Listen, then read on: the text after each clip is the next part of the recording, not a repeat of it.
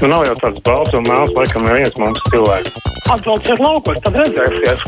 Visu labu! 6722, 888, 672, 559, ir tālu numuru mūsu studijā. Varat mums arī rakstīt, sūtot ziņu no mājaslapas. Gusta raksta. Taisnība ir bijusi Brektem par tiem divām komentētājiem. Tagad tikai tie pārmetušies par lielākajiem Latvijas patriotiem, Ukraiņu bēgļu aizstāvjiem un demokrātijas ieviesējiem Krievijā. Forši kūrēt labāku pasauli no sava dīvāna, sāk šķist, ka vienai daļai karš Ukrainā ir realitātes šovs, kam sekot ar aliņu un popkornu.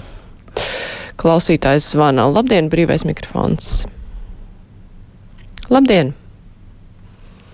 Runājiet, lūdzu, citādāk būs jāslēdz laukā. Tomēr būs jāslēdz laukā, ja neviens nerunā. Roberts raksta, Latvijas radio ziņo, ka klīnikas gaida mediķis no Ukrainas, bet vai tad Latvijas radio nezina, ka visi ukraiņu mediķi ir pakļauti kara klausībai un no valsts netiek izlaisti, arī sievietes zobārstus pat neizlaiž.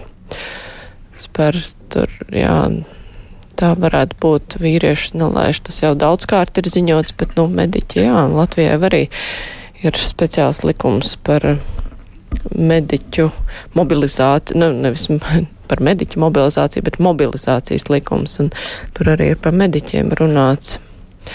Klausītājs zvana, brīvais mikrofons. Halo. Labdien!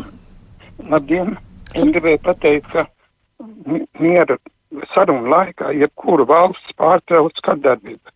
Piemēram, Talībija pat pārtrauca kārdarbību, ar, kad miera sarunas veida ar Afganistānas valdību. Un tāpat tas nedrīkst karot arī Olimpisko spēļu laikā. Pēc 2008. gadā Krievija iebruka Olimpisko spēļu laikā, iebruka Grūzijā. Nu, un tagad bija vēl paralēmiskas spēles, un viņi sāk karot ar Ukrainu. Vēl, vēl Olimpiāda gāja Pekinā. Tas nav civilizācija. Tā nav civilizācija. Nu, jā. Nu, Krievija ir parādījusi, ka pārkāpja daudzus nerakstītos un rakstītos likumus. Klausītājs Sārnis vaicā, vai nevarētu uzaicināt uz interviju bijušo ārlietu ministru Jāni Jurkāni, kāds ir viņa skatījums uz karu Ukrainā. Hm. Nav dzirdēts, jā. Klausītāja Elīna raksta, es domāju, ka tas karš izvērtīsies trešajā pasaules karā un bez kodolieroču un bakterioloģisko ieroču starpgadījumiem neiztiks. Elīna ir pesimistiski noskaņota. Viesturs ļoti pārdzīvo par Ukrainu, bet teikšu godīgi, man Ukraiņu karogi ir par daudz. Viņš raksta, ja ir viens karoks vai mastā desmit karogu, vai tad atbalsts ir desmit reizes lielāks. Nu, Ukraiņi, kur te ierodas, viņiem varētu būt patīkami redzēt savas valsts karogu. Klausītājs zvana, brīvais mikrofons, labdien!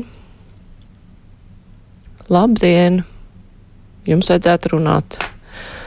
Šķiet, ka tas tas pats numurs, kurš pirms tam nerunāja, vismaz sākums izskatījās tāds pats labi ceļu klausuli. Labdien! Brīvais mikrofons! Labdien! Sveiki! Rītdien latviešiem, kuriem rūp leģionāra atceras diena, vajadzētu pulcēties gar brīvības pieminekli, lai tiem bļauriem krievuļiem tur nebūtu vietas, kur savu kāju spērt. Oi, jā. Nu, es, jā, neaģitēšu, bet, uh, nu, jā, labi. Klausītāja Undīna raksta, mēs jau te uz to karu mierīgi varam tagad noraudzīties gluži kā Zviedrija uz otro pasaules karu nu, nezinu, vai ir tik mierīgi, lai gan droši vien, ka Zviedrija arī nejūtās īpaši mierīgi. Karš ir briesmīgi visiem. Klausītājs Jānis raksta ļoti interesēta no Krievijas bēgošo iebraucēju apjoms pa dienām, nedēļām, mēnešiem personas, kam pieejama Schengenas vīza. Uz Latviju jau īpaši transporta nav, droši vien, ka brauc, bet uh, cik ir lasīts, vairāk dodas, nu, tie, kuriem ir vīzas uz Somiju, tur ir sabiedriskais transports, mums te tāda īsti nav laikam. Klausītājs zvana brīvais mikrofons. Labdien! Labdien! Sveiki! E, es domāju, tā tagad ir brīvi tie televīzijas kanāli vairāk, ja tur varētu arī piesaistīt, translēt Igaunijas Krievu kanālu skatīties. Nu, tas taču var tur kaut ko patulkot latviski, krieviski, visādi. Un otra lieta, vai tajos bēgļu uh, punktos, vai viņiem arī piedāvā kaut kādas interneta adreses, kur viņi varētu latviešu valodu mācīties? Nezinu par bēgļu punktiem vai tur piedāvā latviešu valodas. Nu, tās mācīšanās, tās saites, jā, tās jau ir arī tajās palīdzības lapās minētas. Bet, nu, es pieļauju, ka tajos bēgļu centros pirmais darbs ir nokārtot dokumentus, lai var vismaz kaut kur apmesties un kaut kur palikt. Nu, tas ir tādas pašas pirmās lietas, un pēc tam, nu, bērniem skolā droši vien kā ātri var iemācīties pietiekoši pieaugušajiem jau ir grūtāk, un es domāju, ka daļa jau cer atgriezties ātri atpakaļ. Klausītājs zvana brīvais mikrofons. Labdien! Labdien! Labdien. Sveiki! Jums ir jārunā. Esat ēterā jau. Mhm. Es, es gribēju pajautāt, es pirmo reizi zvanu man, eh, par to dīvānu sēdēšanu. Eh, Tagad ir kara draudi, bet kāpēc valdība neizsūdina mobilizāciju, un tas ir apmācības visiem vīriešiem līdz pensijas vecumam apmācīt kara darbībai. Un visiem atļaus divādu sēdēt vienkārši atpūsties. Kaut kāda tā kā rotaļa, kaut kā nenopietni. Kara draudi taču ir. Bet pabrikam kaut kas ir jādara ar visu šo mi ministru visu. Ar visiem ministriem. Paldies! Jā, lūdzu, nu šobrīd ir tā, ka visi, kuri, un ne tikai vīrieši, bet arī sievietes, daudzas ir gatavas karot, ja tas ir nepieciešams, cilvēki var stāties zemesardzē un mācīties uh, šīs te militārās zinības. Mums nav šobrīd obligātā dienesta un arī nebūtu iespējams varbūt tā vienkārši arī noorganizēt, un cik tas būtu kvalitatīvi un īsti jau vajadzības arī nav šobrīd tā mobilizēt visus, bet cilvēkus, kuri ir motivēti un gatavi, visi ir laipni aicināti zemesardzē, un tur apmācības notiks. Klausītājs zvana brīvais mikrofons. Labdien! Labdien! Vai es esmu ko palaidusi garām? Mums tagad ir divas uh, valsts valodas. Miera dārs ir uh, ukraiņu valodā, ir uzrakstīts ukrainski sad. Paldies! Interesanti, jā, kur tas ir, varējāt paprecizēt. Klausītājs Jānis raksta, vai tiešām paliksim bez Krievijas gāzes, un vai tā cita gāze mums izmaksās dārgāk nekā tas, ko maksājam patreiz savos rēķinos. Nu, par gāzes cenām varbūt tiešām mazākā bēda, jo daudz trakāk ir, ja notiek tā kā Ukrainā, un tad es domāju, ka cilvēki būtu gatavi maksāt jebkādu cenu par gāzi, lai nekaro Klausītājs zvana brīvais mikrofons. Labdien! Labdien! Man tāds pieminētāk jautājums ir. Es, skatos televīzijā, ja kurā kanālā kad ir kaut kādas intervijas ar kādiem cilvēkiem, tad titros ir uzrakstīts, nu, labākā gadījumā var izlasīt vārdu uzvārdu, bet viņa ieņemamais amats vai ko viņš pārstāv. Tas ir tādiem sīkiem, sīkiem bultiņiem, ka ģīms jāiebāž televizorā līdz ausīm lai to varētu izlasīt. Un tad arī viņš ir labākajā gadījumā vienu vai pusotru sekundi. Vai tiešām televīzijas darbinieks.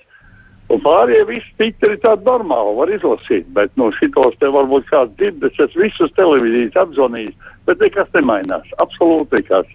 Ja kādu intervē, tad, tad vārds uzvārds ir, bet kas tas pa amats, ko viņš ieņem, ko viņš atbild, ko viņš dara, nu, mikroskopiskiem burtiņiem un, un, un šausmas. Varbūt dzirdēs tagad tie televīzijas darbinieki, uzsāks kaut ko apiekt ar savām smadzenītēm. Jā, paldies. Nu, varbūt dzirdēs, eh, varbūt pārdomās kaut ko. Jānis raksta, ka viņš gribot apmācību bez iekļaušanas rezervistos. Jāni, bet kāpēc tad tērēt eh, naudu, laiku, cilvēku, lai jūs apmācītu, ja jūs negribat reāli neko darīt? nu, tad ir kaut kādiem pienākumiem jābūt. Jūras raksta, pie visām pašvaldībām ir izkārta Ukrainas karoga, izņemot Daugavpils domi. Varbūt piektā kolonna to apsēdusi vai, diemžēl, ir jau arī dzirdēts, jā, kur vietas, kur karogs rauj nost, vai arī apķēpā Ukraiņu atbalstošus plakātus, diemžēl. Labi, klausītājs zvana, brīvais mikrofons. Halo. Sveiki! Labdien!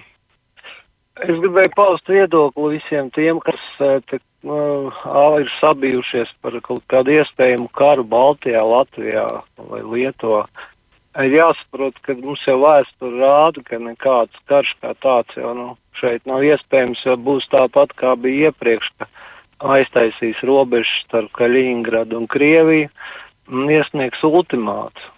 Vai, teiksim, ja, ja, ja te nepameta NATO karavīri tur nedēļas laikā šo vietu, nu tad, tad jā, tad vienkārši uzmetīs kādu bumbu. Bet tā kā Ukrainā, nu tā jau nu gan te nebūs, tas nu ir vairāk kā skaidrs.